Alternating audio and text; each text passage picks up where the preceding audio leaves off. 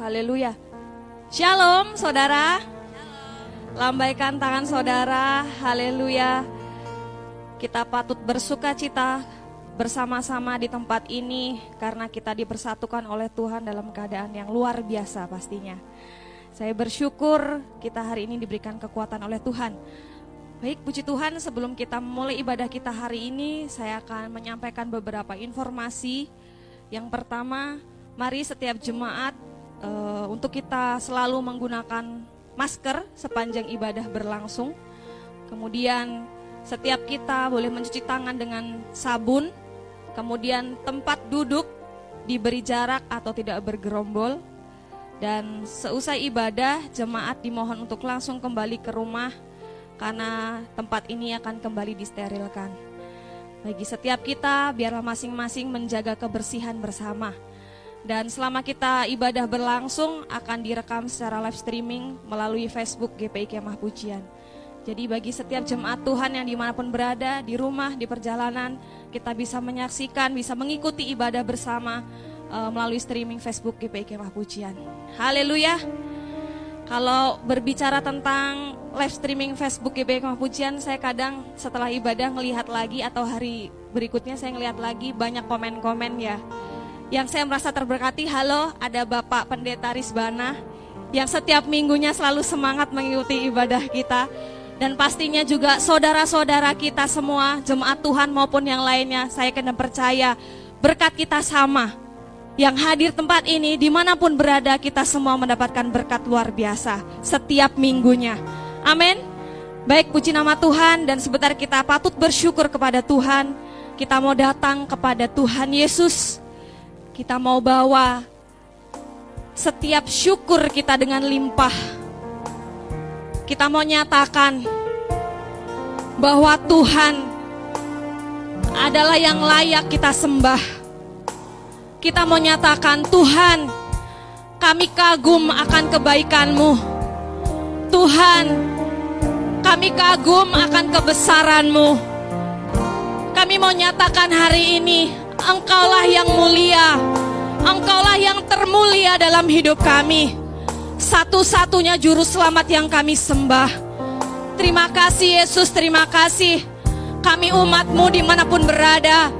Kami bawa ucapan syukur kami dengan limpah. Dengan hati bersukaria. Dengan wajah berseri kami mau nyanyikan kebesaranmu. Kami mau mengagungkan kebesaran namamu Yesus. Terima kasih Bapak, terima kasih. Kami rasakan kehadiranmu hari ini melawat setiap kami. Haleluya. Kami mau nyatakan bersama. Ku kagum akan engkau.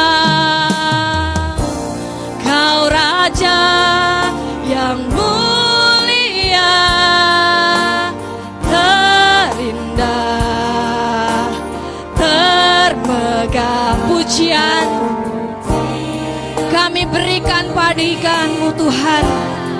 Terima kasih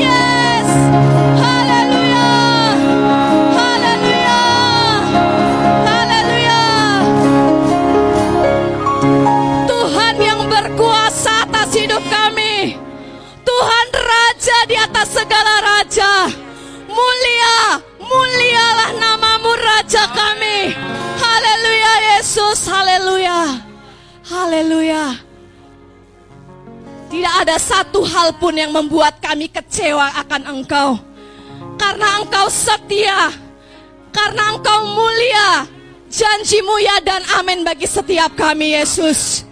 Itulah alasan kami datang hari ini. Karena kami telah Engkau tebus. Karena kami telah Engkau pilih menjadi anak-anak kesayanganmu menjadi peran sekerja Engkau Tuhan untuk memberitakan setiap kebenaranmu di dunia ini Tuhan.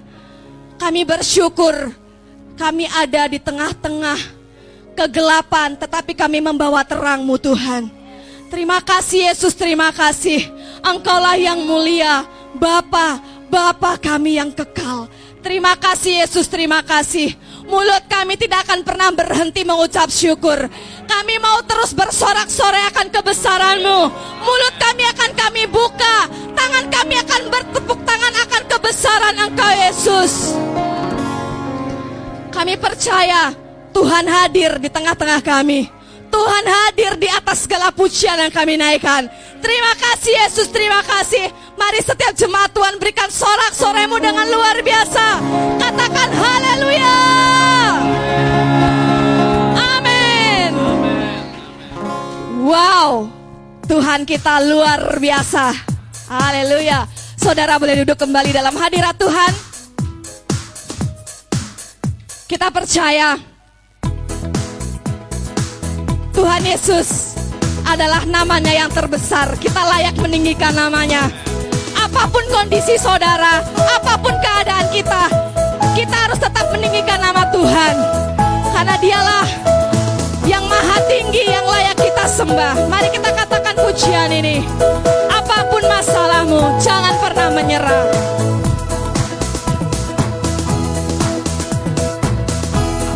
Masalah jangan menyerah Apa pun rintangan tetap bertahan. Badaikan berlalu mentarikan bersinar Masih ada Tuhan. Kita mau katakan lagi ya Masih ada. Apa pun masalahmu Apa pun masalah jangan pernah menyerah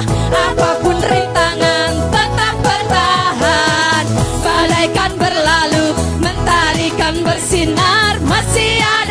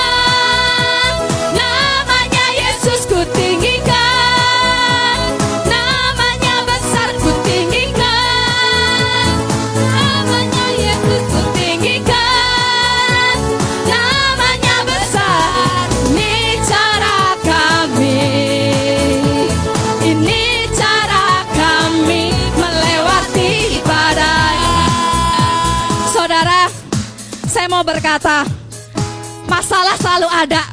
Benar? Masalah nggak ada habisnya. Bahkan pujian ini berkata badai bisa menimpa saudara. Tapi kita mau mengimani yang terakhir. Ini cara kami. Cara kami yaitu bersyukur kepada Tuhan. Apa pun yang saudara alami, kita tetap meninggikan nama Tuhan. Kita percaya masih ada mentari yang bisa bersinar. Masih ada Tuhan. Amin. Coba tepuk dada saudara Di hidupku. Amin. Percaya. Mari kita angkat pujian ini kembali. Apa pun masalahku, aku tidak akan menyerah Tuhan.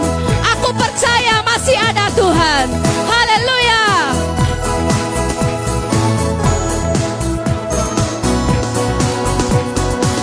Apa pun masalah, jangan pernah kuatkan diri saudara sendiri.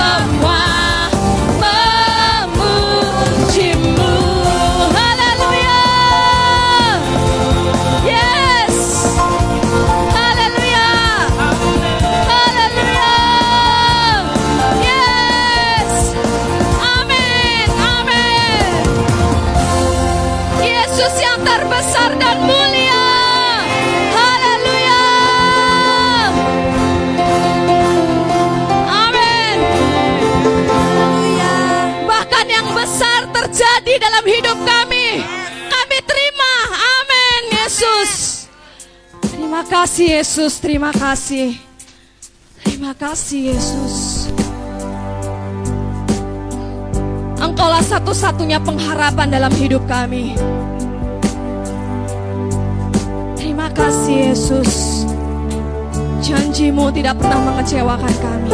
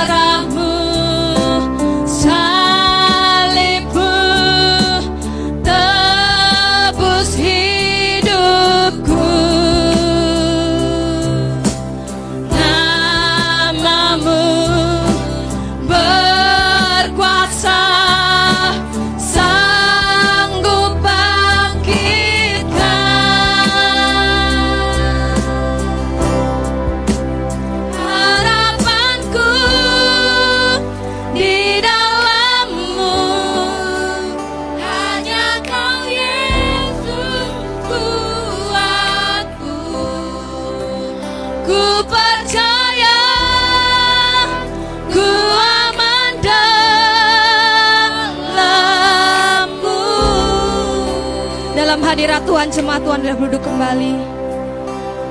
Terima kasih Yesus.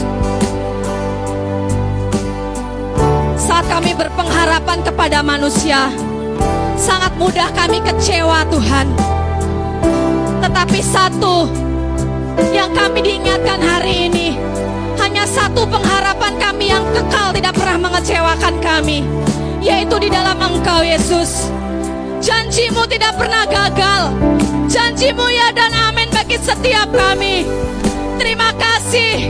Seperti fajar setiap hari. Engkau selalu menyegarkan hati dan jiwa kami Tuhan. Kami mau nyatakan pujian ini kembali. Kasihmu, karyamu yang membuat kami terpesona akan kebesaranmu Tuhan. Terima kasih Yesus.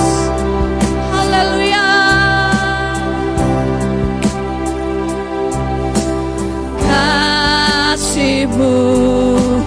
Karyamu nyata bagi kami. Nyata dalam Yesus pegang hidup saudara. Kau pegang Amin Yes terima kasih.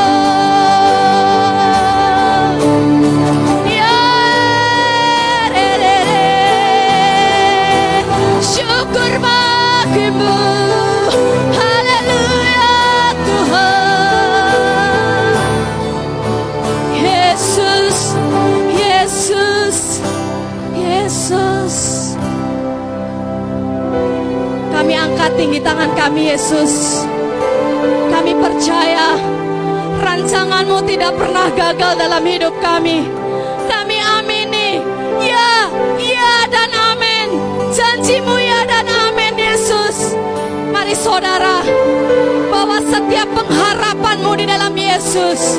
Angkat tinggi tanganmu. Kita menyatakan tak pernah gagal Tuhan. Enggak pernah gagal dalam hidup kami. Semua yang kau firmankan terjadi dalam hidup kami. Terima kasih Yesus. Tak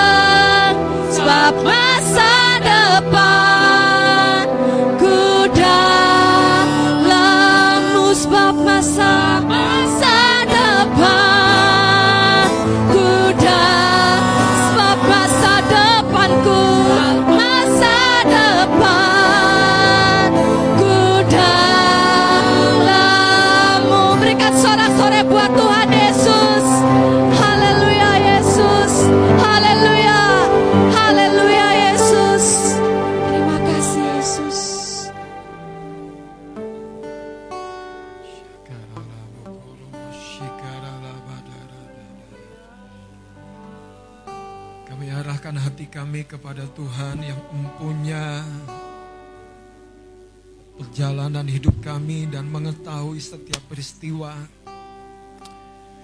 Dan kepadamu kami percaya dan menaruh harap. Karena engkau yang mampu Tuhan menata ulang setiap perjalanan kehidupan pribadi seperti apa pun di muka bumi. Kalau engkau telah membuat Saulus menjadi Paulus. Seorang penganiaya jemaat, pembenci iman kekristenan. Menjadi seorang rasul yang membuat nama Tuhan dimasyurkan, diajarkan. Engkau mampu Tuhan membuat hidup kami untuk mencapai setiap destiny kehidupan yang telah kau rencanakan. Kami mengucap syukur. Tuhan biar firman-Mu singkapkan bagi kami. Dan setiap kami anak-anak-Mu beroleh hati yang terus Tuhan memegang setiap perkataan-Mu. Karena semuanya pada waktunya akan jadi. Kami mengucap syukur ya Tuhan. Terima kasih Bapa. Berbicara Tuhan Roh Kudus, biar apa pun tipu daya dari dunia, dari pekerjaan si jahat, hari ini disingkapkan, dibersihkan dari mata roh kami, sehingga kami mampu melihat dengan clear, dengan jernih, dengan tajam, di dalam nama Yesus. Kami mau sambut firman-Mu yang ajaib di dalam nama Yesus. Mari sama-sama katakan amin. Beri tepuk tangan bagi Tuhan Yesus yang baik. Haleluya. Puji Tuhan. Silakan duduk Bapak Ibu yang dikasih oleh Tuhan. Tolong basnya diturunin. Basnya diturunin. Puji Tuhan. Haleluya. Mari kita lihat dalam kitab Lukas pasal yang pertama. Lukas pasal yang pertama kita akan lihat ayat yang kelima.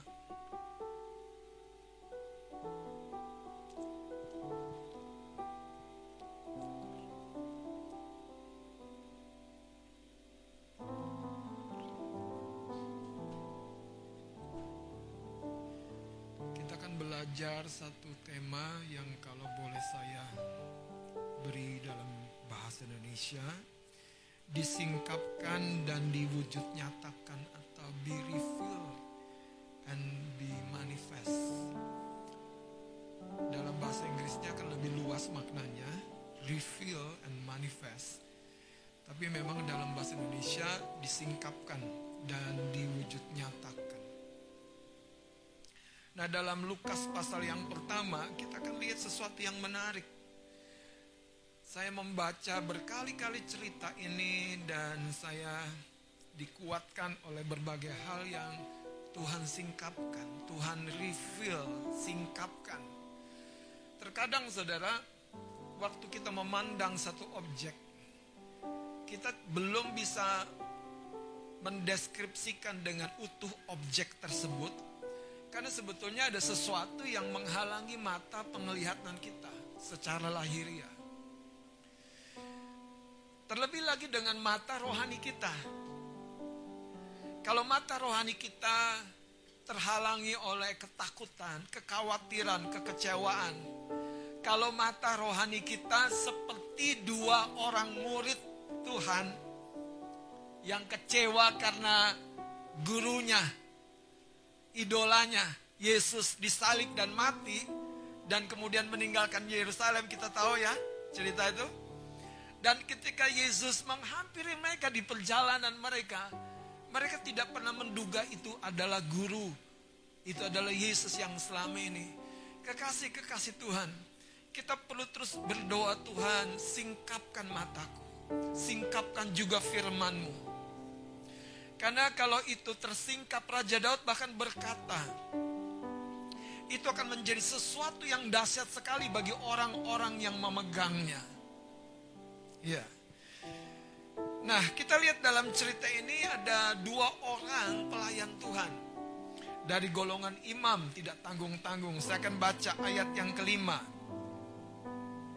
Pada zaman Herodes, Raja Yudea adalah seorang imam yang bernama Zakaria dari rombongan Abia. Istrinya juga berasal dari keturunan Harun namanya Elizabeth. Suami istri ini pelayan Tuhan. Suami istri ini punya satu ikatan darah dengan leluhur mereka yang adalah imam Tuhan. Jadi mereka punya satu garis darah murni. Gak tanggung-tanggung saudara. Coba lihat. Istrinya juga berasal dari keturunan Harun. Jadi ini garis darah yang murni. Tapi pada orang-orang yang sebegitu murninya saja, ada sesuatu yang mereka rindukan tidak tergenapi, tidak terjadi. Nah hari ini saya mau membawa perlahan-lahan supaya kita melihat dari sudut pandang dan kacamata rohani. Bahwa sesuatu yang belum termanifestasi, terwujud nyatakan, itu bukan tidak ada.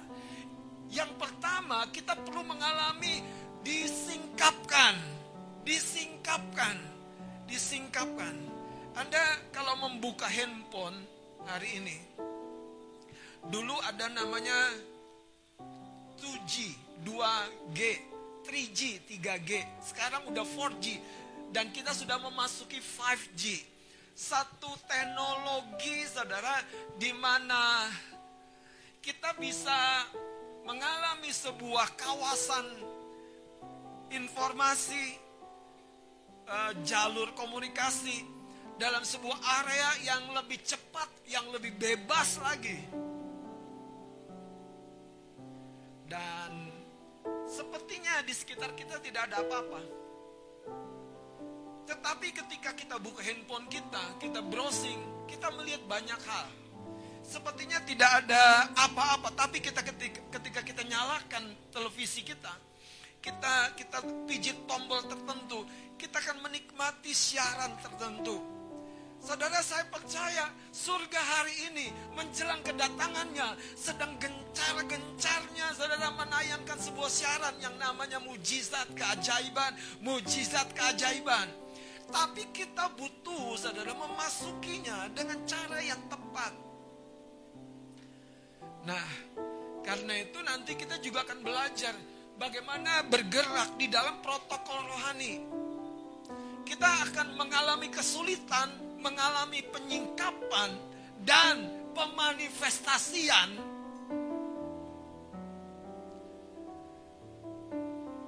Di keluarga kami berenam orang dan saya ditinggal papa saya umur tiga tahun kira-kira. Dan keluarga besar selalu berkata saya yang mirip dengan papa saya.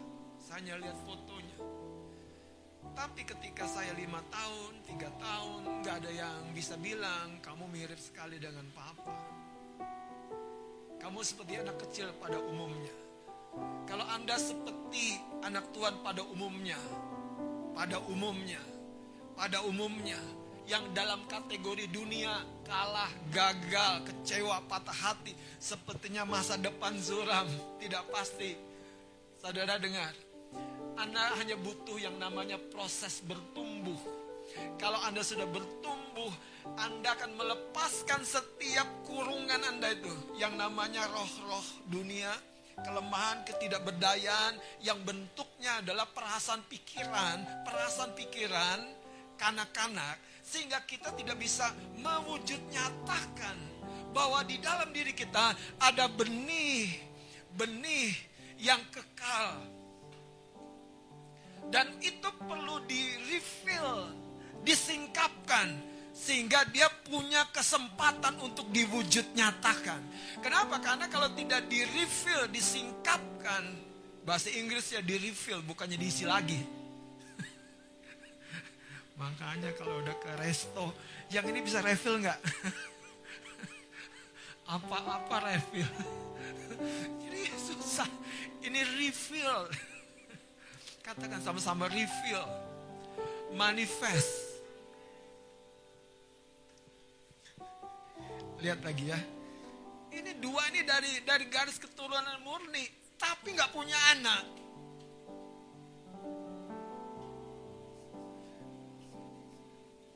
Saya kalau baca begini saya makin lihat iya ya Tuhan, kita nih pikiran kita yang suka kalut. Aku kenapa ya? Aku kenapa ya? Aku kenapa ya? Saudara butuh butuh memasuki yang namanya saudara reveal dan manifest. Dan untuk itu kita harus belajar, bergerak, bergerak, bergerak dalam protokol ilahi. Lihat cerita ini. Keduanya adalah benar, gak tanggung-tanggung di hadapan Allah. Gak gak tanggung-tanggung dan hidup menurut segala perintah dan ketetapan Tuhan dengan apa? Tidak bercacat. Apakah mereka kalau menghitung hari mereka akan bilang gini, aduh Tuhan kayaknya nggak mengasihi aku. Bisa nggak? Bisa banget. Apalagi kalau mereka lihat keluarga mereka yang lain, yang bukan imam, yang bukan pelayan Tuhan. Waduh enak banget hidup mereka. Kita kok sampai tua cuman berduaan. Ada terbayang gak sih? Tapi nanti Anda akan tahu, Tuhan belum selesai berkarya. Jangan terlalu cepat mendeskripsikan aku memang begini. Selanjutkan saudara. Tetapi mereka tidak mempunyai anak sebab Elizabeth mandul dan keduanya telah lanjut umurnya. Udah tua ya. Mau ada muda, mau ada tua. Jangan patok pikiran kita. Tetaplah on fire. Tetaplah on progress. Tumbuh, berkembang, maju. Taklukan apa yang sebelumnya kau bisa tidak bisa taklukan bisalah apa yang sebelumnya engkau tidak bisa. Pada satu kali waktu tiba giliran rombongannya, Zakaria melakukan tugas keimaman di hadapan Tuhan. Sebab ketika diundi sebagaimana lazimnya untuk menentukan imam yang bertugas, dialah yang ditunjuk untuk masuk ke dalam bait suci dan membakar ukupan di situ.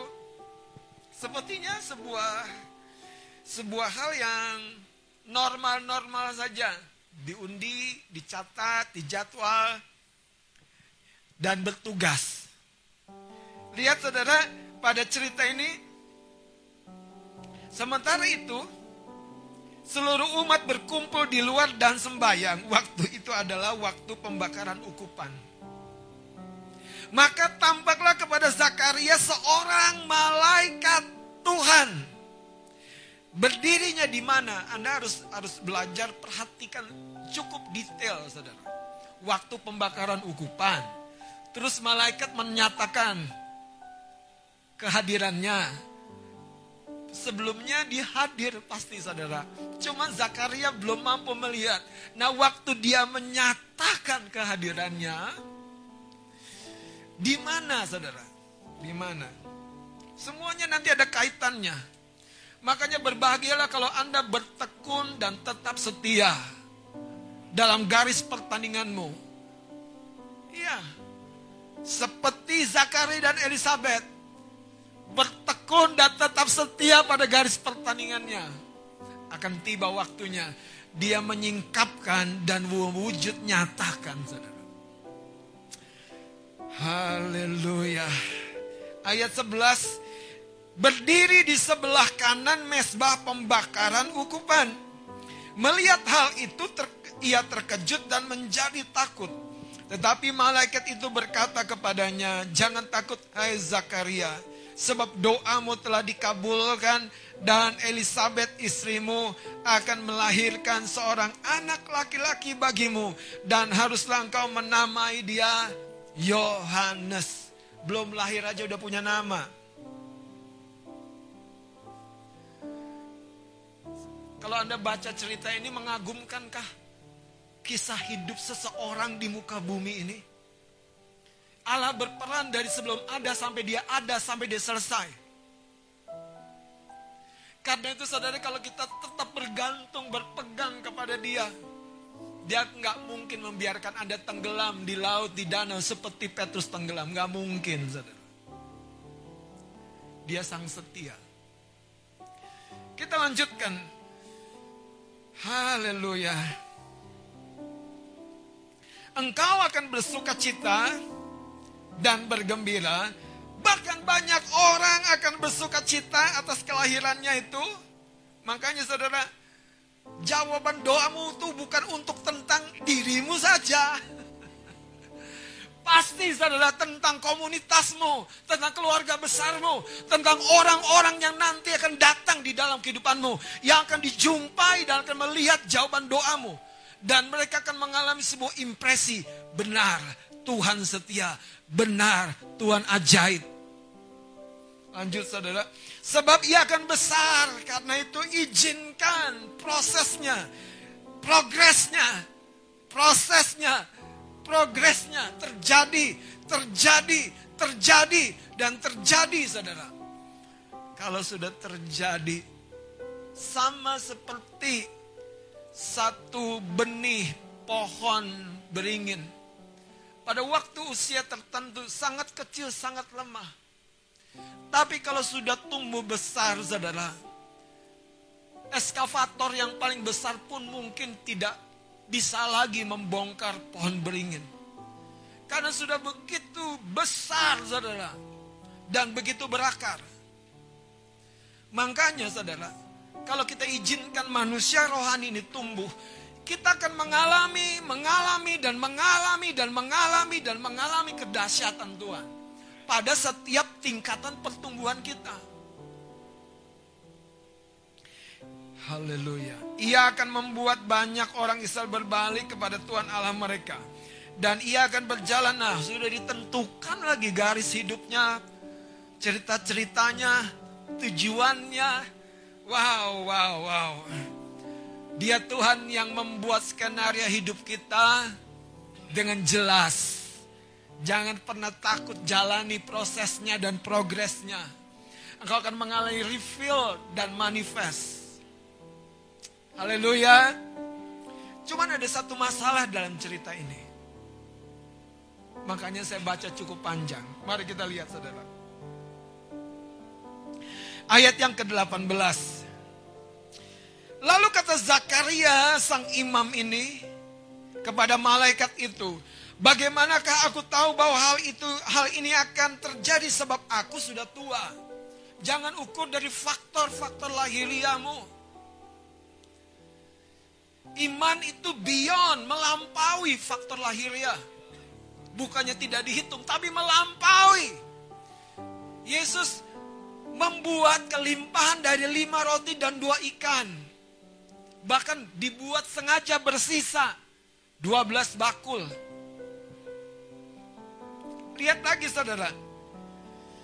Sebab aku sudah tua dan istriku sudah lanjut umurnya. Malaikat itu berkata, akulah Gabriel yang melayani Allah.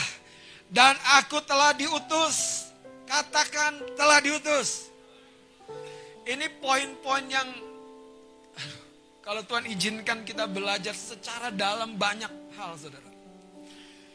Kalau engkau bertemu dengan seorang yang diutus, engkau bertemu dengan seorang yang sangat tepat di dalam hidupmu.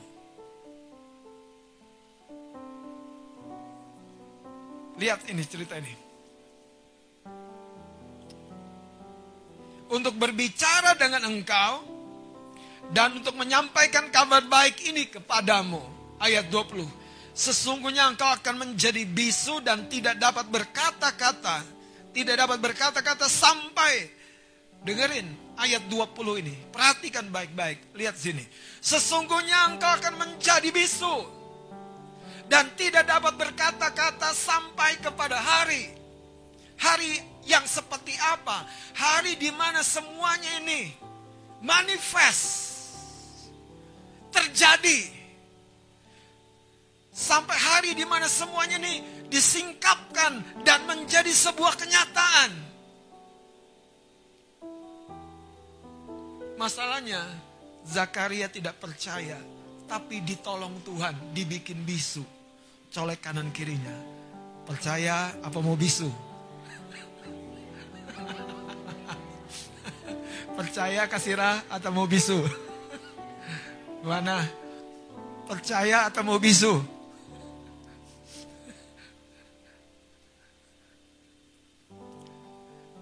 Gabriel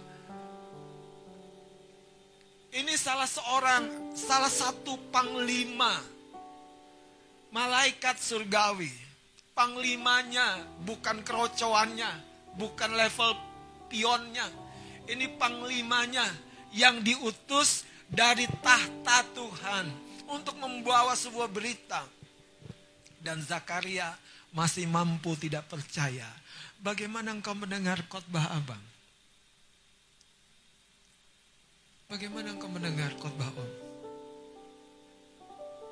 Makanya gini teman-teman, klik dong itu di Spotify itu, dengerin lagi, dengerin lagi, dengerin lagi, dengerin lagi.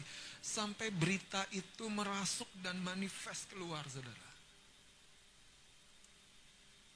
Buat Karut tuh makin bersemangat.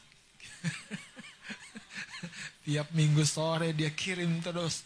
Yes lanjutkan Karut. Saudara tahu, pewahyuan tuh masih menunggu waktu. Makanya di kitab Habakuk aja tulis, tulis, tulis. Supaya orang sambil lalu dapat membacanya.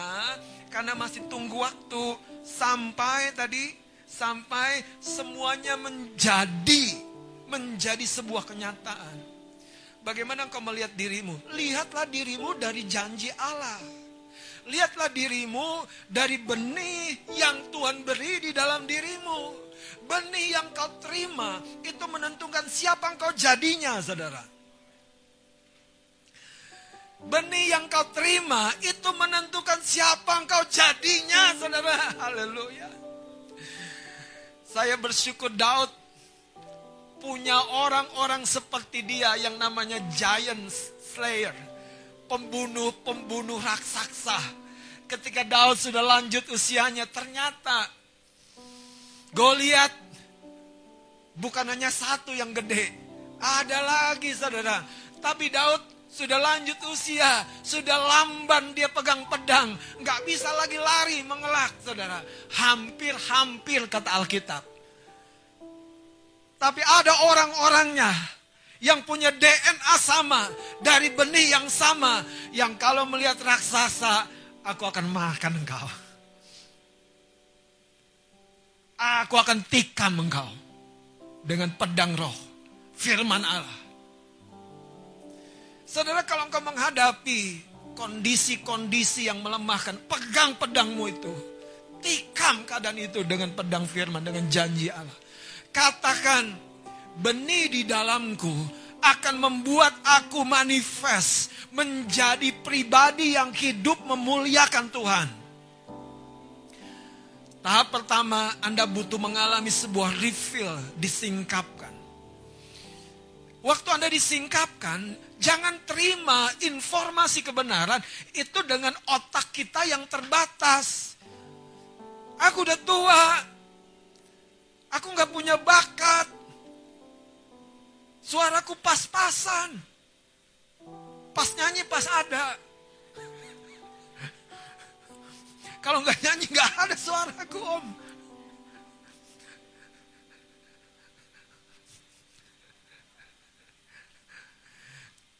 Kekasih Tuhan, saya mau beritahu, hidup kita sudah ditulis secara detail dan lengkap. Tidak ada satupun yang miss kalau buku itu dijaga. Karena itu engkau perlu memasuki ini. Untuk menjadi reveal dan manifest, kita perlu memasuki protokol rohani. Baik.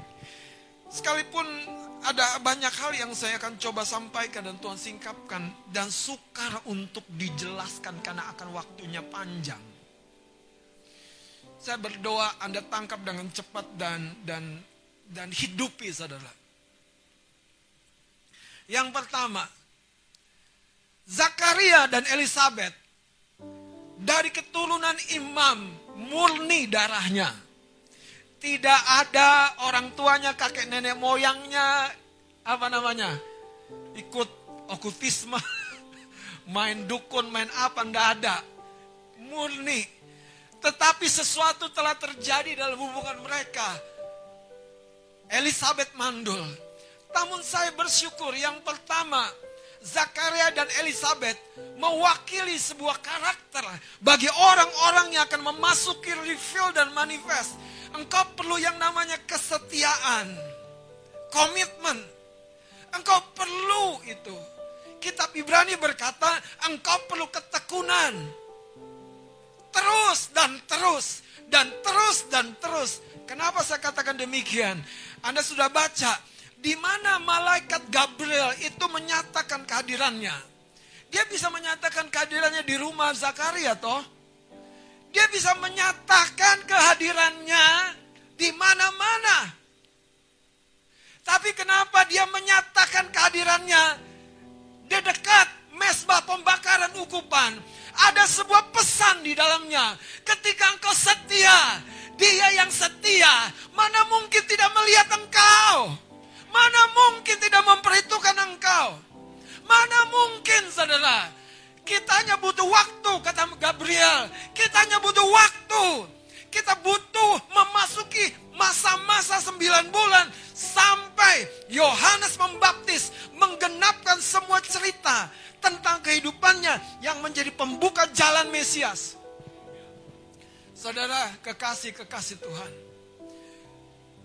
Tangguhlah pada waktu engkau mau bangun pagi berdoa, tangguhlah. Pada waktu engkau punya komitmen doa malam, tangguhlah. Pada waktu engkau digentarkan oleh segala banyak hal yang menggoda dagingmu menjadi lemah. Yesus berkata, tidak sanggupkah engkau berjaga satu jam saja? Tangguhlah. Yesus bukan tidak memahami kelemahan, keletihan jiwa murid-murid. Tapi Yesus ingin murid-muridnya tough, tangguh, kuat, setia. Dan itu yang membuat Zakaria dan Elizabeth memasuki tahapan reveal dan manifest. Malaikat Tuhan itu punya protokol rohani. Yaitu apa? Melakukan apa yang Tuhan suruh. Dia pelayan. Tapi yang menarik saudara. Dia hadir di dekat mesbah pembakaran ukupan. Tepat waktu Zakaria bertugas, sekalipun tugasnya, ya, aku lagi tugas. apa? Rutin. Aku lagi. Gak ada yang lain apa Kani? Gak ada yang lain apa Mas Mas? Tiba-tiba yang lagi penata ruang Malaikat Tuhan hadir di sini. Kenapa tidak? Aku percaya itu. Dua tempat ini di mata Tuhan, saudara, yaitu tanah kusir dan kebun jeruk. Makanya kalau Anda didorong ke ruang doa, berangkat, saudara. Tangguhlah. Singkirkan tuh pertimbanganmu nimbang kanan, nimbang kiri, nimbang ongkos, nimbang gojek, nimbang apa, nimbang, nimbang kelamaan. Enggak manifest-manifest. Beneran. Dengerin saudara, ide itu butuh di reveal dan manifest. Tuhan menaruh sesuatu dalam roh kita. Itu butuh di reveal, di declare, dinyatakan dan waktu dideklar di alam rohani ini seperti nubuat. Terjadi penggenapan. Terjadi perwujudan. Terjadi. Makanya saudara kalau dengar ini.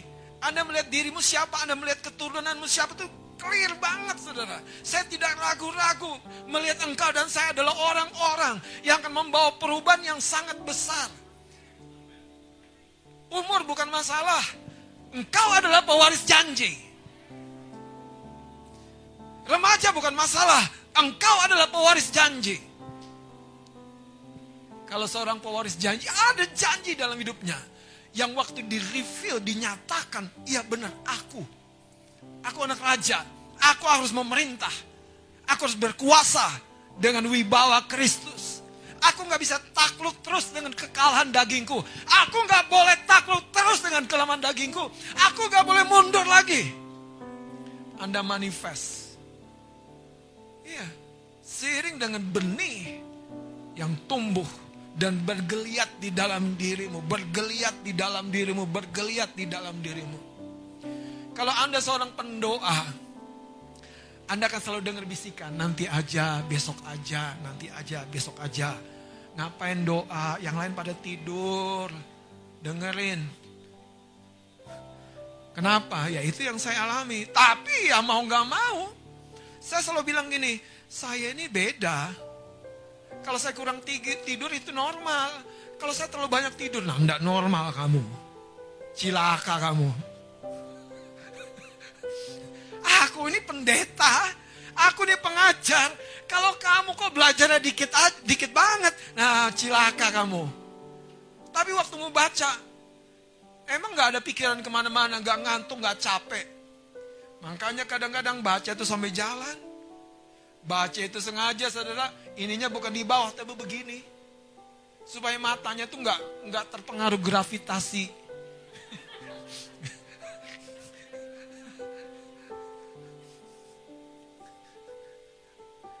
Haleluya. Saudara, Zakarin Elizabeth bergerak dalam protokol rohani. Yang namanya kesetiaan. Jangan keluar dari garis pertandinganmu, kekasih-kekasih Tuhan. Dan Zakaria mengalami lawatan Tuhan bukan kebetulan. Tapi semuanya dalam rencana dan takaran Tuhan. Kenapa? Yohanes related dengan Mesias. Yohanes Pembaptis yang akan dilahirkan dari rahimnya Elizabeth harus berdekatan dengan lahirnya sang penembus dunia. Karena Yohanes adalah pembuka jalan. Teman-teman, kalau kita tahu semuanya ini, kita akan tenang.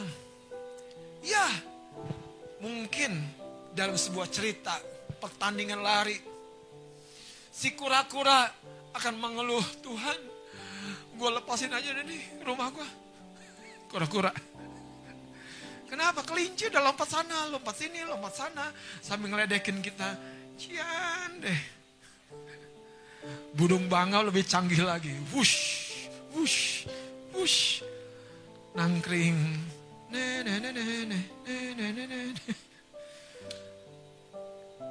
Tuhan, aku kok nggak bisa kayak mereka. Si kura-kura pikul rumahnya.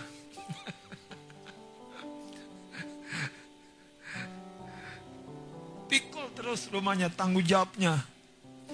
Tetapi saudara, setiap orang yang setia dan bertekun, ujungnya akan selalu menuai. Menuai, selalu menuai.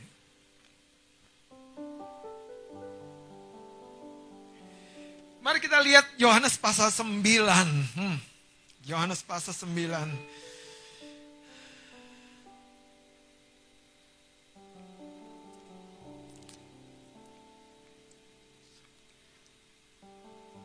Orang yang buta sejak lahirnya. Agak mirip dengan si Elizabeth yang mandul. Masalahnya bukan Tuhan, Masalahnya bukan orang tuanya. Masalahnya bukan siapa-siapa. Tapi lihat Yohanes 9 ini menarik saudara. Ayat yang pertama saya baca dengan cepat. Waktu Yesus sedang lewat, ia melihat seorang yang buta sejak lahirnya. Murid-muridnya bertanya kepadanya, Rabi, siapakah yang berbuat dosa? Orang ini sendiri atau orang tuanya sehingga ia dilahirkan buta? Jawab Yesus, bukan dia dan bukan juga orang tuanya, tetapi karena apa? Karena pekerjaan-pekerjaan Allah harus, harus ada sebuah tekanan yang kuat. Tetapi karena pekerjaan-pekerjaan Allah harus dinyatakan, di reveal, reveal, disingkapkan, baru bisa manifest. Nanti terangkan saudara dua kata ini. Lanjut ya. Ayat 4. Kita harus mengerjakan pekerjaan dia yang mengutus aku selama masih siang. Dan akan datang malam di mana tidak ada seorang pun yang dapat bekerja. Selama aku di dunia, akulah terang dunia. Setelah ia mengatakan semuanya itu, ia meludah ke tanah dan mengaduk ludahnya itu dengan tanah. Lalu mengoleskannya pada mata orang buta tadi. Lihat saudara betapa profetiknya. Sesuatu yang menghalangi itu ketika dibasuh, berjumpa dengan yang diutus saudara. Mata yang buta itu kembali dengan melihat. Saudara nanti kita akan lihat di dalam Lukas pasal yang keempat Alkitab mencatat, seorang yang diutus itu diurapi oleh Tuhan. Artinya, kita perlu dalam pengurapan itu, dalam kepenuhan roh itu, dalam apa yang namanya, roh kudus mengambil peran begitu dominannya. Dan ketika kita dalam fase itu, itulah fase di mana reveal dan manifest terjadi, saudara. Kenapa? Kita bergerak di dalam sebuah dimensi yang dari tidak kelihatan menjadi kelihatan. Mari kita lihat saudara. Mengaduk dan mengoleskannya pada mata orang buta tadi ayat 7 dan berkata kepadanya, Pergilah dan basuhlah dirimu dalam kolam apa? Dalam cerita-cerita yang lain, Yesus tidak melakukan metode seperti dia meludah, mengaduk tanah, dan mengoleskan pada mata orang buta ini. Tidak, tidak. Tapi dalam cerita ini ada sebuah pesan yang jelas saudara. Bahwa kenapa kita perlu mengalami sebuah penyingkapan. Hidupmu aman di dalam tangan Tuhan. Hidupmu saudara direncanakan Tuhan sempurna. Dan hidupmu, ini firman Allah yang berkata, selain menjadi target kasih Allah, hidupmu menjadi target pekerjaan roh jahat, roh dunia, itu tidak boleh ketinggalan juga. Makanya Tuhan ingin kita bangkit dan berjaga-jaga. Haleluya. Lihat, pergilah basuh dirimu dalam kolam Siloam. Siloam artinya apa? Maka pergilah orang itu. Ia membasuh dirinya lalu kembali dengan matanya sudah melek. Matanya sudah melek. Jadi dalam pribadi yang dari lahir buta, Dengerin saya. Pada pribadi yang dari lahir buta pun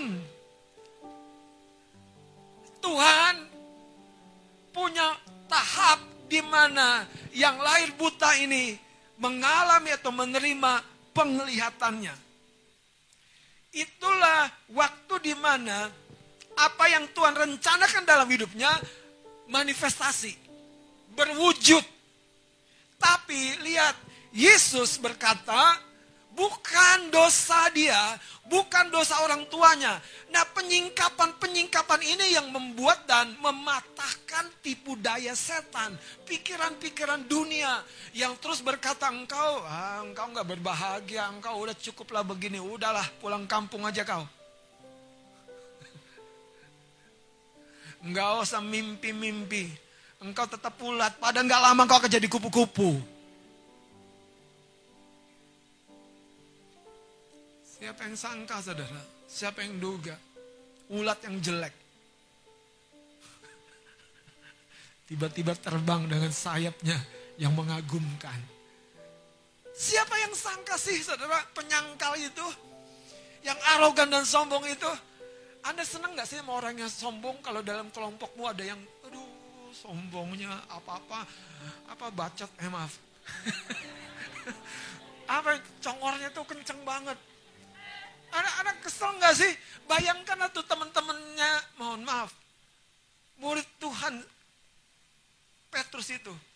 Saya harus lengkap, murid Tuhan Petrus itu. ya kan? Yang masih muda lebih lengkap lagi. Yang masih hijau belia itu. Sekesel nggak saudara? Tapi waktu si ulat hijau ini tumbuh berkembang, dan jadi rasul. Alkitab berkata dia menjadi salah satu tiang penopang di rumah Tuhan. Gereja mula-mula dia jadi soko guru. Itu ungkapan bahasa Alkitab. Jadi tiang penopang. Saudara, siapa yang bisa melihat di balik Saulus ada rasul Tuhan? Kenapa kau tidak melihat dirimu seperti itu? Dan izinkan dorongan-dorongan yang lain yang push saudara, dorong Anda, dorong Anda Ke mana? Ke kolam Siloam. Ke mana? Ke tujuan yang Yesus katakan. Jumpai kolam Siloam. Di sana hidup akan manifest. Kenapa? Karena di sana ada penyingkapan. Di sana ada manifestasi. Saudara, engkau butuh kepenuhan roh. Karena di sana ada penyingkapan. Di sana ada manifestasi. Kalau enggak, dagingmu dikerat terus oleh dosa dan kekalahan oleh kelemahan tubuh. Tapi kalau rohmu kuat, saudara. Itu yang membuat Stefanus pun tidak melo, tidak nangis, tidak komplain. Waktu setiap batu dilempar kepadanya, dia mati sebagai sahid Tuhan, martir Tuhan. Dan dia mencatat, Alkitab mencatat waktu dia mati, langit terbuka. Dan Yesus bukan hanya duduk tapi berdiri. Respek, hormat. Kira-kira seperti itu. Saudara, lihat dirimu saudara. Datang terus ke kolam siloam. Kembali engkau akan melek kembali engkau akan melek. Saudara saya mau kasih tahu, kalau engkau baru bermimpi hanya sukses bidang usaha, itu baru kecil, baru sebagian kecil dari apa yang Tuhan rencanakan. Kalau engkau bermimpi sukses dalam bidang keuangan, merdeka dalam bidang keuangan, itu baru sebagian sangat kecil dari yang Tuhan rencanakan. Anda tahu apa yang membuat Yusuf jadi jadi orang besar? jadi orang yang memerintah seluruh Mesir? Apa? Maaf ya. Diplomanya? S3-nya? S3 dari penjara. Apa yang membuat Yusuf jadi orang nomor satu setelah Firaun? Dan dia bukan orang asli Mesir. Apa? Hikmat oleh roh yang di dalam itu yang terus push, mendorong saudara. Kenapa saya sampaikan ini poin yang terakhir?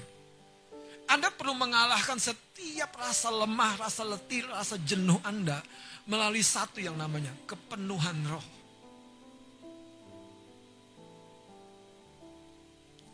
Latih saudara, latih. Dan itu bukan hanya berbicara tentang bahasa roh, bukan hanya itu. Saya dengerin khotbah saya lagi, makanya saya sharing di kelompok pemimpin. Saya dibakar lagi, dibakar lagi. Anda tahu, kalau yang membakarnya di dalam bukan emosi, yang membakarnya bukan apa, waduh, flash sale, yang membakarnya itu sesuatu yang dari firman, saudara. Anda siap bernubuat.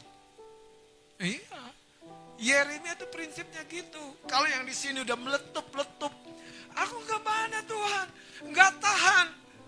Aku harus melepaskannya dalam sebuah bentuk nubuat. Sudah katakan setan berhenti tipu dayamu. Engkau tidak punya hak sama sekali kepada kehidupanku, kepada pekerjaanku. Anda harus beritahu saudara. Makanya hiduplah dengan protokol rohani seperti Zakaria dan Elizabeth. Saya masuk kepada beberapa poin yang sederhana yang terakhir supaya kita nangkap, saudara. Mari buka Ulangan pasal 29 ayat 29.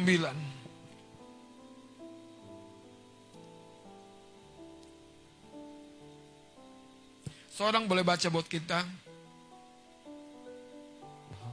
Hal-hal yang tersembunyi ialah bagi Tuhan Allah kita, tetapi hal-hal yang dinyatakan ialah yang di reveal ya ialah bagi kita dan bagi anak-anak kita Wow. sampai selama-lamanya. Jadi anak-anak kita tuh punya janji yang tetap, janji yang pasti. Saya baca dalam King James Versionnya, the secret things, hal-hal rahasia belong unto the Lord. Ada King James ya, puji Tuhan. Our God, but those things which are revealed Makanya thingnya tuh refill, harus disingkapkan. Iya, ada benih kesuksesan. Benih pribadi yang besar, saudara. Yang di refill belong unto us and to our children forever. Haleluya. Siapa yang punya? Kita. Belong unto us. Kita yang punya. Makanya Yesus menghampiri orang buta itu dan memasuki sebuah tahap yang pertama. Menyingkapkan, bukan orang tuanya muridku, bukan dia juga yang berdosa. Jadi dosa tidak bisa menahan kesuksesanmu, katakan amin. Dosa tidak bisa menahan kebahagiaanmu, katakan amin. Sebab dosa yang terjahat sekalipun sudah dibayar sempurna oleh darah Yesus Kristus. Yang bisa menahan. Dengerin saya. Ketika engkau membiarkan imajinasi dari kata image, gambar. Yang kitab Korintus berkata, ketika image itu menjadi sebuah gambaran yang terekam kuat di pikiran kita itu menjadi tembok-tembok rohani yang membuat kita berkata nggak bisa, nggak mungkin, nggak bisa, nggak mungkin. Ketika saudara image itu setan tembakan kepada pikiranmu dan ketika engkau accept, terima image itu di dalam dan itulah makanya tipu daya setan tipu daya setan, tipu daya setan ampuh bagi orang yang tidak hidup dalam pewahyuan. Kenapa? Karena dia perlu memahami yang tidak terlihat di permukaan. Orang yang hidup dalam pewahyuan, dia akan berkata, minggu ini aku akan mengalami berkat. Minggu ini akan ada orang datang ke rumahku bawa berkat. Minggu ini pangeranku akan datang.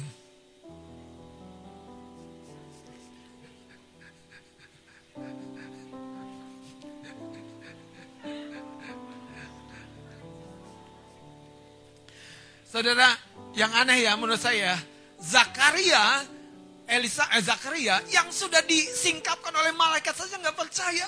Itu saudara. Kenapa? Karena Zakaria sudah dalam ketaatannya tuh dalam posisi jenuh. Capek. Hari ini biarlah janji Tuhan menyegarkanmu, amin. Sampai masa tuamu, Tuhan berkata, aku tetap dia yang akan setia menggendongmu.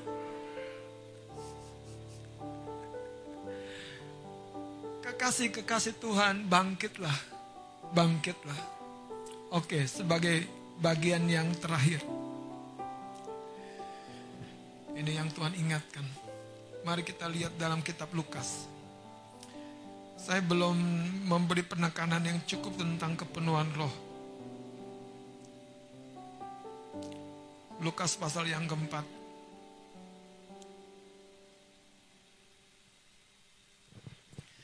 Haleluya.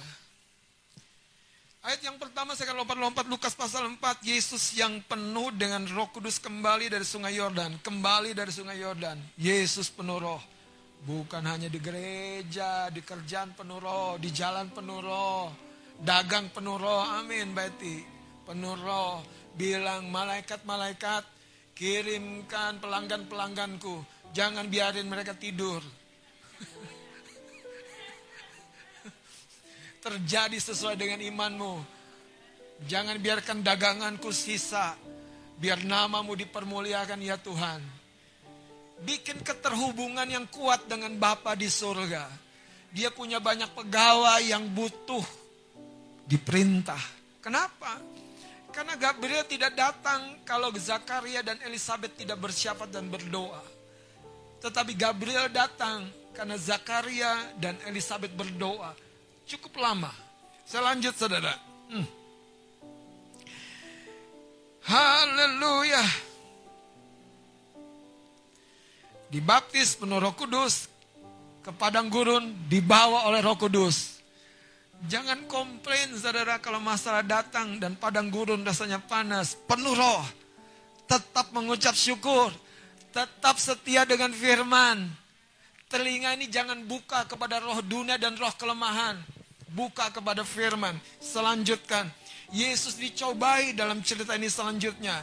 Tetapi saudara, dia menyelesaikan babak yang pertama ayat 13 sesudah iblis mengakhiri semua pencobaan itu yang mundur daripadanya dan menunggu waktu yang baik. Makanya saya mau kasih tahu, haleluya. Saya bukan nakut-nakutin hidupmu dan hidupku dalam pengawasan setan juga. Tapi kabar baiknya Tuhan bisa sembunyikan hidupmu. Terbungkus aman, rapi, utuh, jatuh nggak pecah nggak sobek, nggak rusak. Tuhan itu ajaib. Lihat saudara, ayat 14. Dalam kuasa roh. Anda harus lihat ya gradasinya ya. Dalam kuasa roh, tadi penuh roh. Terus sekarang dalam kuasa roh.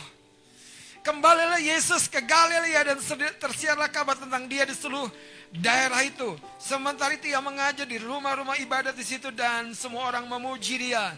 Ayat 16, ia datang ke Nazaret tempat ia dibesarkan dan menurut kebiasaannya. Di tempat dia dibesarkan, dia punya kebiasaan yang namanya ke rumah Tuhan. Dan dia punya kebiasaan waktu di rumah Tuhan, jadi pembaca Alkitab. Haleluya. Coba lihat cerita ini saudara. Makanya dekatkan hatimu dengan sebuah kebiasaan membangun dengan firman. Dekatkan hatimu dengan kebiasaan membangun dengan rohmu, saudara. Kenapa? Karena engkau progres.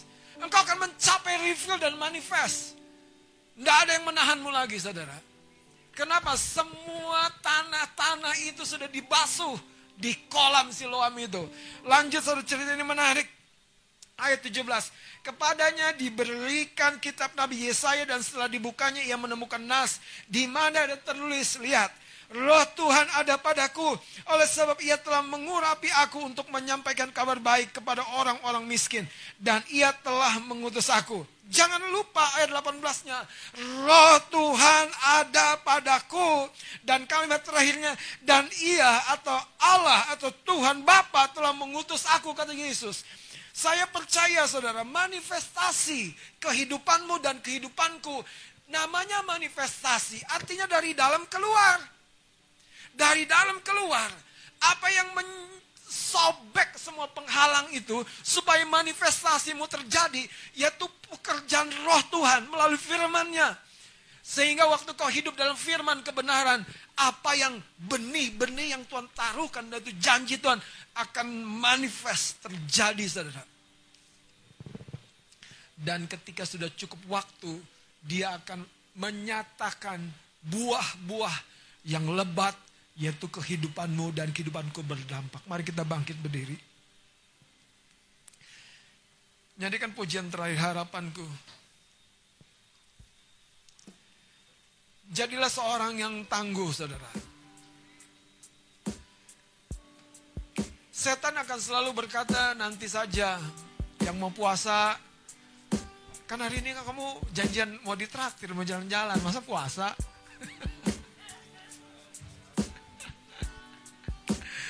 Haleluya. Yang mau doa ke ruang doa. Kan kemarin baru ketemu abang, masa kesekrek lagi? Ya, kamu urusannya daging sih susah. Bukan dengerin yang di dalam, dengerin. Amin. Haleluya. Saudara dengerin saya. Taktik setan tuh nggak ada yang baru. Dia cuma menyusupi pikiran-pikiran kita. Memberikan gambaran-gambaran. Ini kayaknya mau hujan. Gimana ya nanti? Aku pas nggak ada mantel. Aduh gimana ya? Gimana? Udah Makanya jangan hidup dalam kekhawatiran dan pikiran-pikiran yang berkepanjangan. Kayak baru lihat hujan aja. Amin ya Bang Esya. Iya. Dengan kekasih-kekasih Tuhan. Tidak ada satu orang pun di tempat ini yang bodoh, yang buruk, yang bernasib sial, yang gagal, hancur, lemah. Hidupnya tidak berdampak apa. Tidak ada satu orang pun di tempat ini termasuk engkau dan saya. Amin. Saya berkata ini seperti seorang nabi. Sekalipun saya apa dasarnya, firman yang disingkapkan. Allah tidak menebus engkau untuk menjadi makhluk yang sia-sia. Allah menebus engkau untuk menjadi makhluk yang mulia. Punya posisi setara dengan Kristus. Mari angkat hatimu tanganmu kepada Tuhan percaya. Harapanku di dalammu hanya kau Yesus Tuhanku ku percaya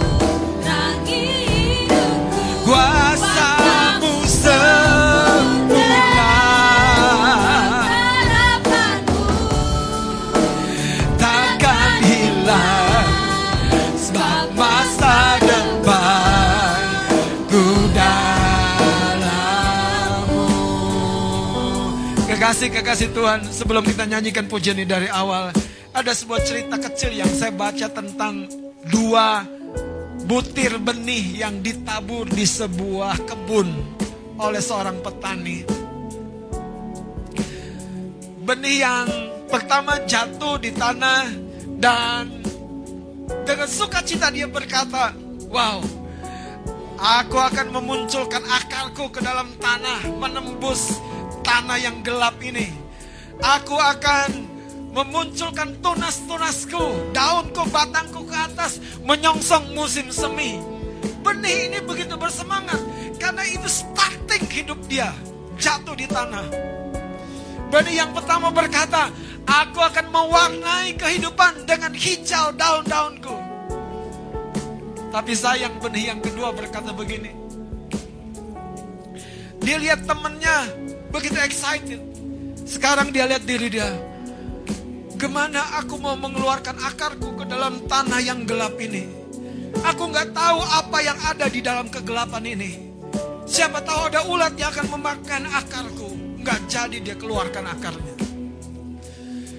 Kemudian dia berkata, bagaimana aku bilang keluarkan tunas-tunasku. Nanti ada burung dari udara melihat dan memakan tunas hijauku. Nggak jadi dia muncul kan. Akhirnya dia sembunyi saja di dalam tanah, tidak jadi apa-apa. Dua benih yang sama, dua respon yang berbeda. Saudara, benih yang pertama berkata, "Ya, mungkin Raja Wali akan melihat aku mematok aku, tetapi aku punya kesempatan untuk membuat dari tunas muda jadi kuat, jadi besar." Ya mungkin ada ulat di tanah akan memakan akarku. Tetapi aku punya waktu. Aku punya musim. Untuk mengeluarkan akarku besar di dalam. Saudara. Hidup ini selalu punya risiko. Jangan kalau kau didorong untuk lakukan sesuatu. Kau pikirin resikonya terus.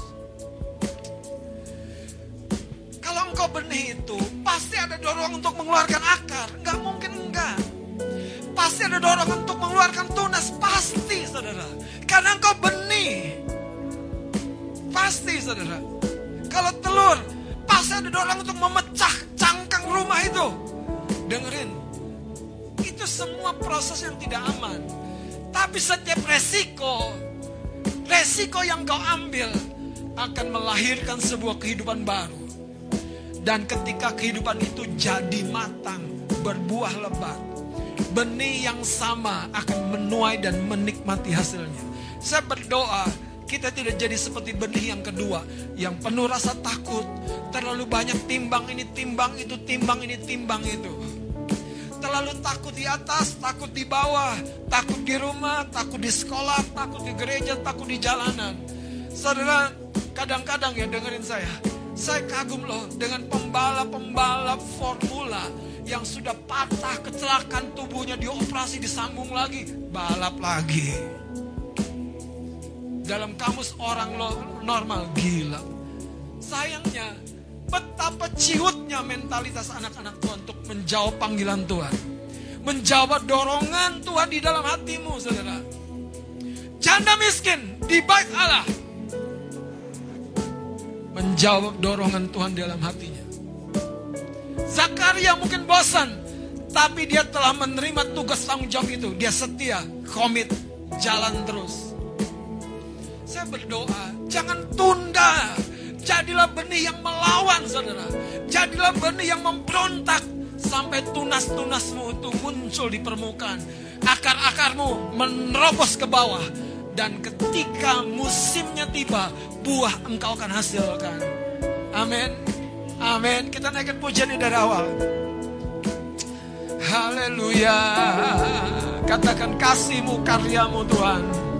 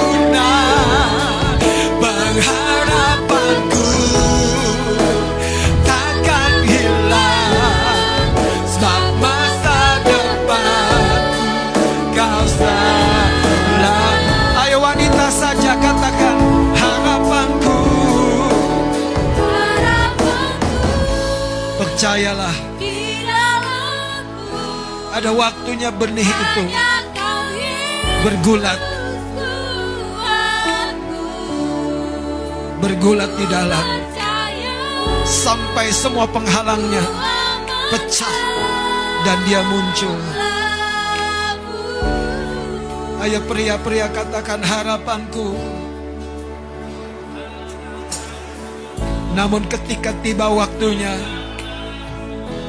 proses yang menyakitkan itu. Engkau memunculkan akar-akarmu. Engkau memunculkan tunas-tunasmu selesai. Engkau akan mencapai apa yang Tuhan rencanakan. Ayo sama-sama katakan harapanku.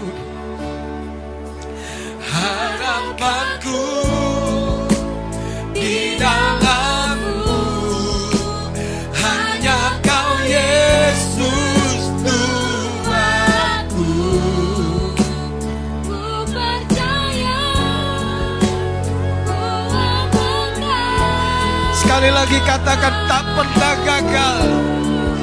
Dia Tuhan yang tidak mungkin gagal dalam hidupmu.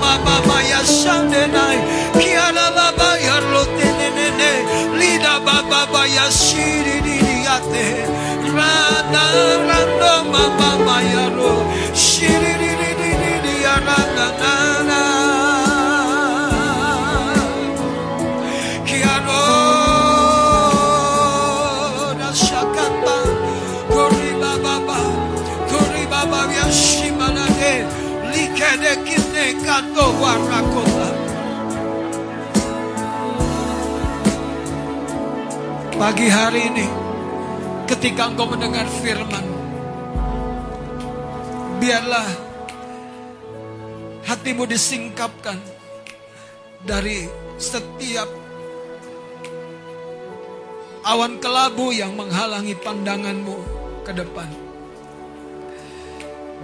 Biarlah firman membabat persepsi-persepsi, pemikiran-pemikiran yang selama ini menghalangi engkau tumbuh, menghalangi engkau maju, menghalangi engkau bergerak, menghalangi engkau menancapkan akar-akar kehidupanmu, melihat masa mendatang dari sekarang dengan keyakinan kuat. Sebentar kita akan berdoa, tapi dengarkan kata-kata saya. Apa yang membuat murid Yesus yang namanya Petrus ini, yang masih muda ini, hanya kira-kira tiga setengah tahun bersama dengan gurunya belajar banyak hal, melihat banyak hal, mencoba banyak hal. Tapi tetap ada keraguan, ketakutan di dalam dirinya. Sampai satu titik campuran-campuran di dalam dirinya terekspos. Ketika masih ada kesombongan di waktu babak terakhir Yesus akan disalibkan dan menjalani penderitaannya. Dia menyangkali gurunya. Bukan hanya sekali, dan dia pilu, dia merasa gagal, dia pilu sekali. Dia pilu sekali. Itu sebabnya setelah Yesus bangkit, Yesus mencari murid yang satu ini. Apa yang Yesus lakukan? Yesus memanfaatkan momentum. Ketika Petrus melihat dari dirinya sendiri gagal. Itu kebenaran yang harus dia terima dengan cara yang menyakitkan. Itu kebenaran yang harus dia terima dengan cara yang menyakitkan. Tapi Tuhan belum berhenti. Dia datang dan bertanya, apakah engkau mengasihi aku lebih daripada mereka semua ini? Pertanyaan itu dikunci dengan sebuah pernyataan. Gembalakanlah domba-dombaku. Sang gembala adalah sang penyangkal.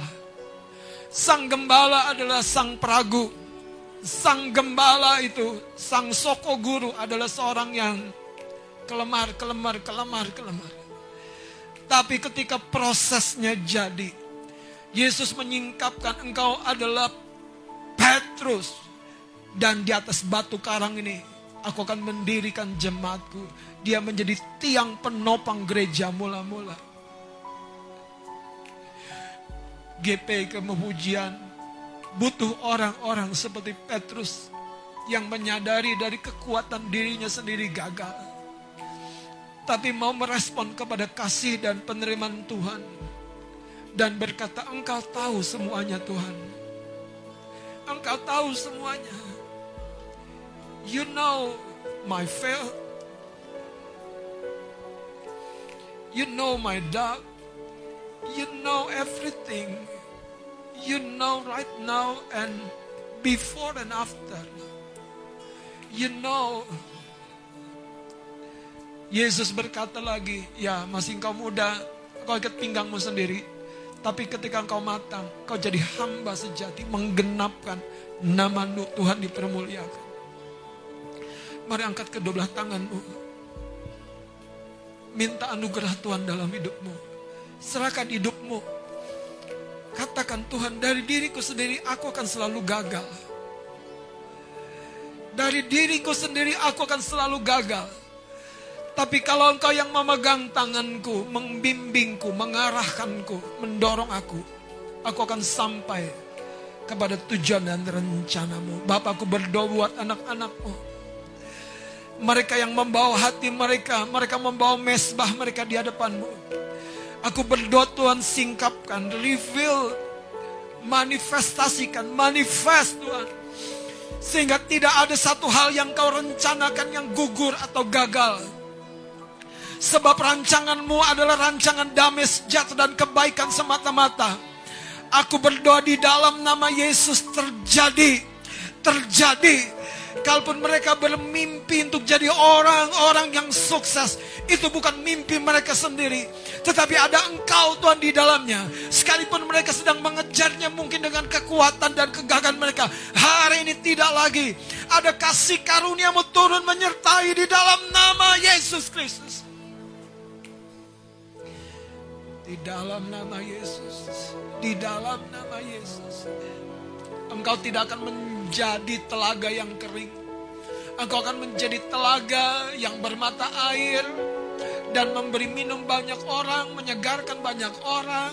Engkau akan menjadi mata air kesukaan bagi banyak orang karena melalui hidupmu orang akan melihat ada Tuhan, ada pengharapan. Syakarallah. Kirala bukoro mashikene makarata kane masakara laba. Kira shikene makata korobo shando makaya takata. Shikinama baba baba kerete.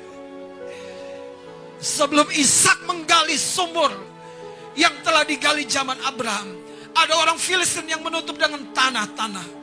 Inilah tahap reveal dan manifest. Kalau ada tanah-tanah dari kedagingan, izinkan mata air yang di dalam dirimu itu memancar. Singkirkan itu, singkirkan. Ayo, lakukan grafirat, minta ampun. Lepaskan segala sesuatu yang berasal dari kedaginganmu sendiri. Lepaskan. Di dalam nama Yesus. Mata air yang jernih memancar. Mengalir. Kehidupan. Mengalir memancar. Dalam nama Yesus Kristus. Kinamo shakanalaba. Dan segala hal yang dikerjakan oleh anak-anakmu. Ada blessing, ada berkat Tuhan. Mengalir, mengalir, mengalir. Mereka akan menjadi Yusuf-Yusuf Tuhan. Pekerjaan kecil, pekerjaan besar. Tidak ada satu pekerjaan yang dipercayakan yang biasa-biasa. Setiap pekerjaan yang dipercayakan tumbuh berkembang jadi luar biasa, jadi baik, jadi sukses. Hikmatmu sekarang turun menyertai di dalam nama Yesus, di dalam nama Yesus, di dalam nama Yesus. Terima dalam nama Yesus, di dalam nama Yesus. Terima hikmat dari Tuhan, di dalam nama Yesus. Kau jadi pemimpin-pemimpin. Kau jadi orang-orang yang berbicara, yang memimpin, yang mengarahkan orang lain. Sheda bakanda koro moto koro boshika lola bababa. Kerete kine makata kori matora maya sekete. Shikalala bababa. Ayo bersama-sama kita sekali lagi mengangkat tangan untuk orang lain, bukan hanya untuk diri kita.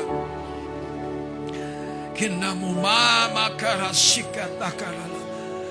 Kami mengangkat kedua belah tangan kami. Roh Kudus, bergeraklah. Bapa, utus malaikat-malaikat surgawimu Tuhan.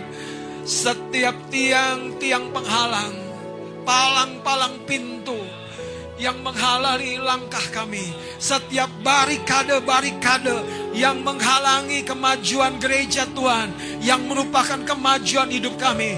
Hari ini setiap barikade-barikade penghalang-penghalang, batu-batu sandungan, kami orakan keluar di dalam nama Yesus.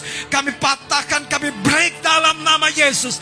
Dalam nama Yesus, dalam nama Yesus, dalam nama Yesus. Terjadi kelepasan, terjadi kegerakan, terjadi kehidupan. Dalam nama Yesus, dalam nama Yesus, dalam nama Yesus, dalam nama Yesus. Karena karala baba ya ratakana. Setiap jiwa-jiwa yang kau rencanakan dan kau ada di tempat ini. Tidak lagi terhalang. Tidak lagi terhalang. Tidak lagi terhalang. Kami berkata kepada pintu utara, pintu selatan, pintu timur, pintu barat. Terbukalah, terbukalah. Bapa utus malaikat-malaikatmu. Bergeraklah, bergeraklah. Terbukalah pintu-pintu. Terbukalah, bergeraklah. Datanglah orang-orang yang kau rencanakan menjadi bagian dari kehidupan kami. Seperti engkau merencanakan Yohanes bagi Yesus. Engkau merencanakan Elizabeth bagi Zakaria. Engkau menetapkan orang-orang ini dalam agendamu. Terjadi, terjadi, terjadi dalam nama Yesus Kristus. Sabukarata.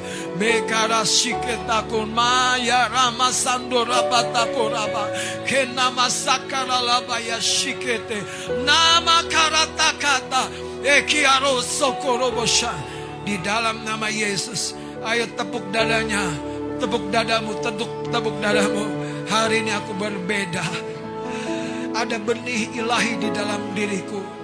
Ada benih kemenangan ada benih kehidupan, ada mata air jernih memancar. Oh, ada hikmat ilahi dalam diriku. Ada hikmat ilahi. Aku akan diangkat tinggi oleh Tuhan. Ada kemurahan Tuhan. Ada kebaikan di hidupku. Manifestasilah. Manifestasilah. Bermanifestasilah. Tersingkaplah sekarang dalam nama Yesus.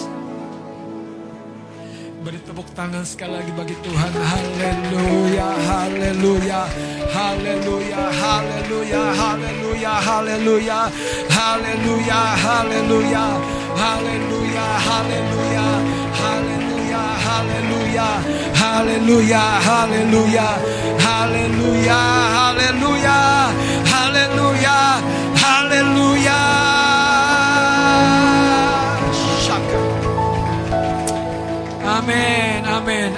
Silakan duduk. Kekasih-kekasih Tuhan.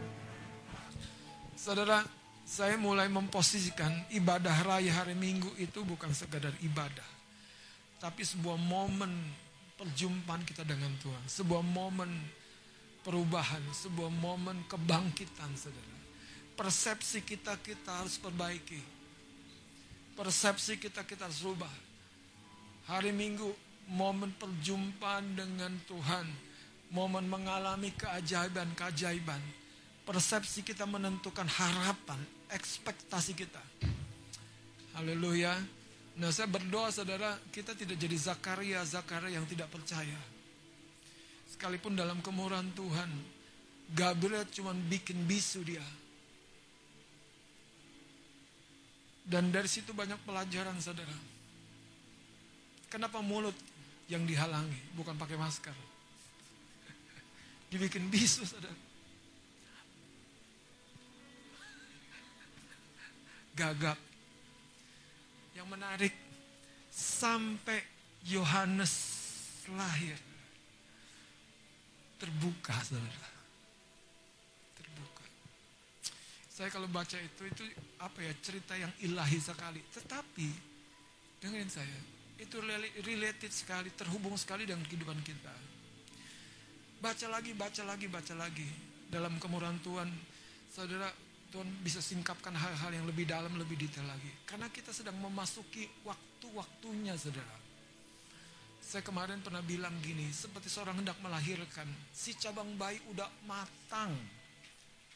Sudah matang, saudara. Tapi butuh kekuatan untuk mendorongnya keluar. Apa yang menghalangi hidupmu menghasilkan sebuah kehebatan? Itu bukan dirimu, tapi manipulasi setan. Ya. Makanya saya berdoa ketika firman menyingkapkan siapa dirimu, identitasmu, berdirilah teguh. Saudara berjalanlah lurus, bahkan berlarilah menuju panggilanmu. Jangan halangi dorongan-dorongan kebenaran dalam hatimu. Karena saudara, Yesus punya protokol. Meludah di tanah, mengolesi ke mata. Kemudian dia suruh ke kolam siloam.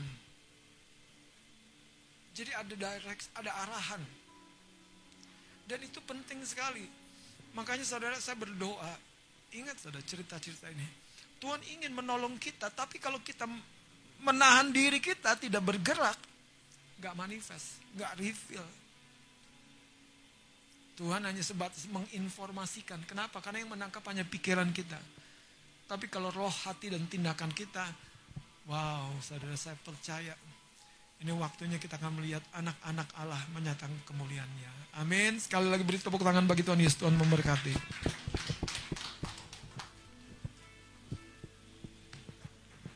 Haleluya. Puji nama Tuhan. Uh, sebentar saya buka ruang pesan Tuhan bagi setiap jemaat Tuhan maupun hambanya dipercayakan hikmat marifat pesan Tuhan. Waktu dan tempatnya saya persilahkan.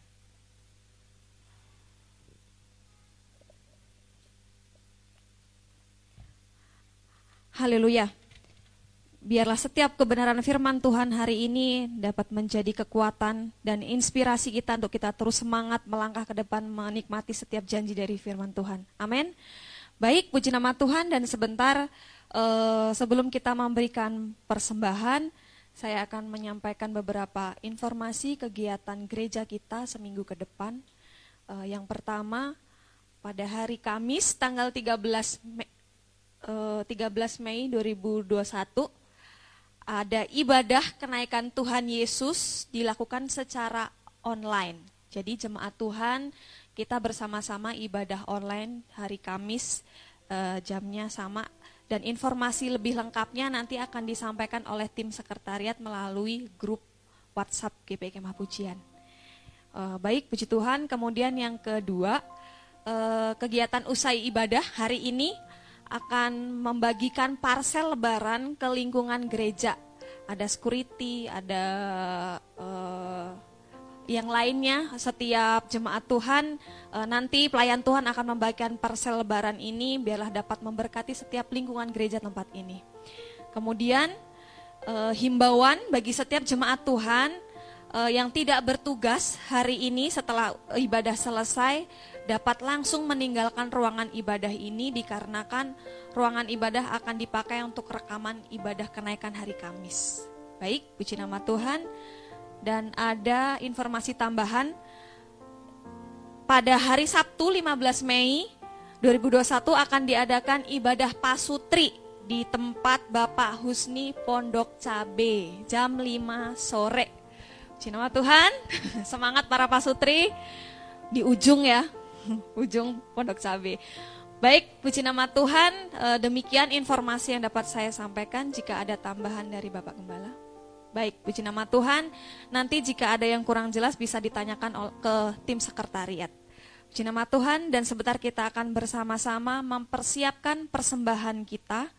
Hari ini adalah minggu kedua bagi setiap jemaat Tuhan yang belum memberikan persepuluhan maupun memberkati lingkungan setelah selesai kita memberikan persembahan jemaat boleh langsung ke depan dari sisi LCD masukkan ke dalam kotak kemudian keluar dari sisi pemusik.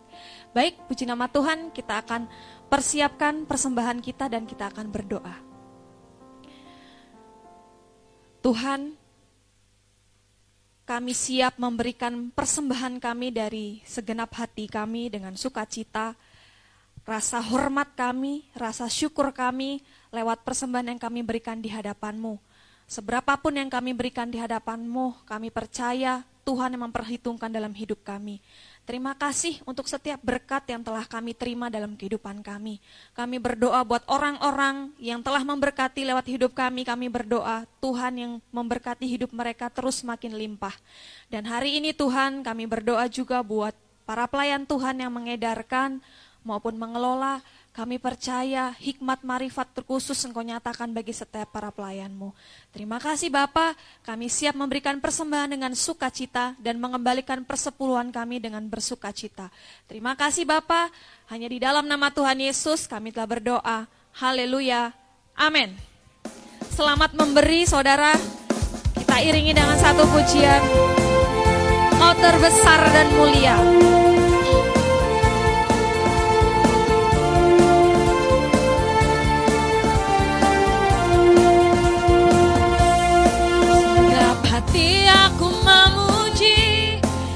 Segenap jiwa aku bernyanyi Karena rohmu ada dalamku Tuhan. Ku angkat tanganku memuji Ku angkat suara dan bernyanyi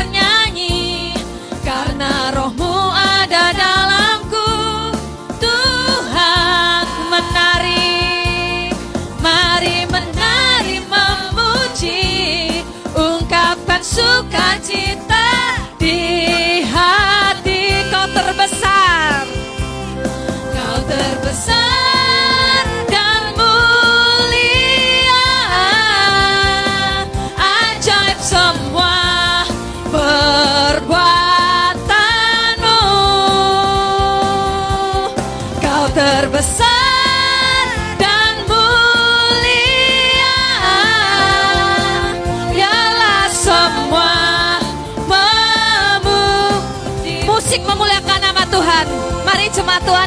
memberikan persepuluhan boleh maju ke depan.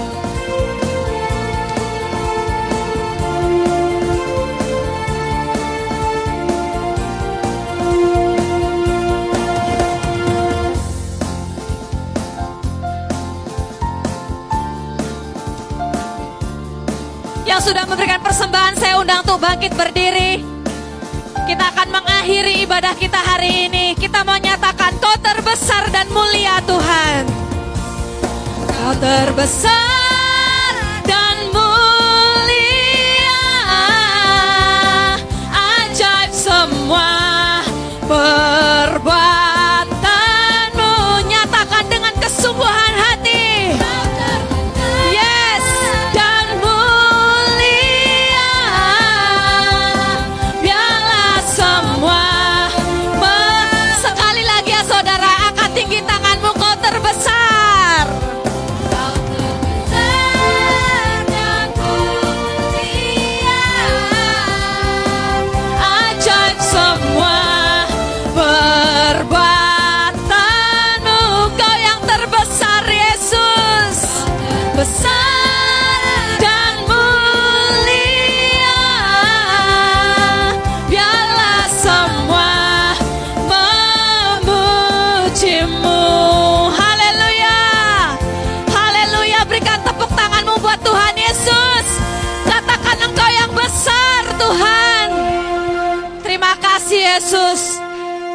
nyatakan terus dan terus dalam hidup kami, Engkau yang terbesar dan mulia. Terima kasih Yesus buat kebenaran firman-Mu hari ini. Kami disegarkan kembali, mata kami dibukakan untuk kami melihat setiap kebenaran firman-Mu, ya dan amin terjadi, terjadi, tergenapi, termanifestasi dalam hidup kami Tuhan. Semuanya Tuhan, semuanya terjadi. Yang terbaik kami terima hari ini di dalam nama Yesus. Terima kasih Bapak, terima kasih. Pada kesempatan hari ini Tuhan kami bersatu hati. Kami mengangkat tinggi tangan kami. Kami berdoa untuk dua tempat yang Tuhan taruhkan dalam gereja kami. Yaitu kebun jeruk dan tanah kusir seperti mimpi hambamu Tuhan Bapak Gembala. Dua tempat ini saling bersinergi Tuhan. Ada pekerjaan Tuhan yang besar, yang besar terjadi bagi dua tempat ini. Biar makin nyata tuntunan Tuhan bagi dua tempat ini. Dan kami yakin percaya janji Tuhan tergenapi untuk kemuliaan namamu Tuhan. Engkau akan pakai kami jemaatmu yang muda, pasutri, orang tua, anak-anak akan engkau pakai untuk menggenapi firmanmu dua tempat ini Tuhan. Kami semakin kuat, kami semakin kokoh, kami mau berdiam diri di tempat kediamanmu yaitu hadiratmu Yesus. Terima kasih dan hari ini kami juga berdoa Tuhan. Kami berdoa untuk bangsa kami, bangsa Indonesia Tuhan. Banyak hal terjadi di bangsa ini tetapi kami yakin dan percaya yang terbaik akan kau nyatakan. Tidak ada lagi Tuhan orang-orang yang menghujat. Tidak ada lagi orang-orang yang tidak percaya. Melainkan makin banyak orang yang percaya kepada Tuhan lewat kami. Lewat kebenaran firman-Mu, lewat hidup kami. Banyak orang akan melihat-Mu Tuhan. Akan percaya kepada Engkau. Kami berdoa buat para pemimpin bangsa kami, Bapak Presiden hingga yang terendah Tuhan. Kami berdoa, hikmat marifatmu melingkupi setiap mereka. Setiap kebijakan yang mereka putuskan, semua yang terbaik buat bangsa kami. Ada damai di bangsa kami. Ada keamanan di bangsa kami. Ada kesehatan di bangsa kami. Ada pemulihan di Indonesia Tuhan. Terima kasih Bapak, terima kasih. Kami juga berdoa Buat Bapak Ibu Gembala, Tuhan buat pemimpin kami. Tak henti-hentinya kami melihat kebaikan Tuhan terjadi dalam hidup mereka. Terus nyatakan lagi, lagi dan lagi. Tambah-tambahkan hikmat marifatmu buat mereka Tuhan. Dan terlebih hari ini Ibu Gembala yang melayani tempat lain kami berdoa Tuhan Yesus nyatakan setiap kebenaran firmanmu dinyatakan banyak orang yang makin disegarkan oleh kebenaran firmanmu yang disampaikan melalui Ibu Gembala Tuhan. Terima kasih dan kami percaya sepanjang minggu ini akan ada berkat-berkat baru kau nyatakan bagi kami.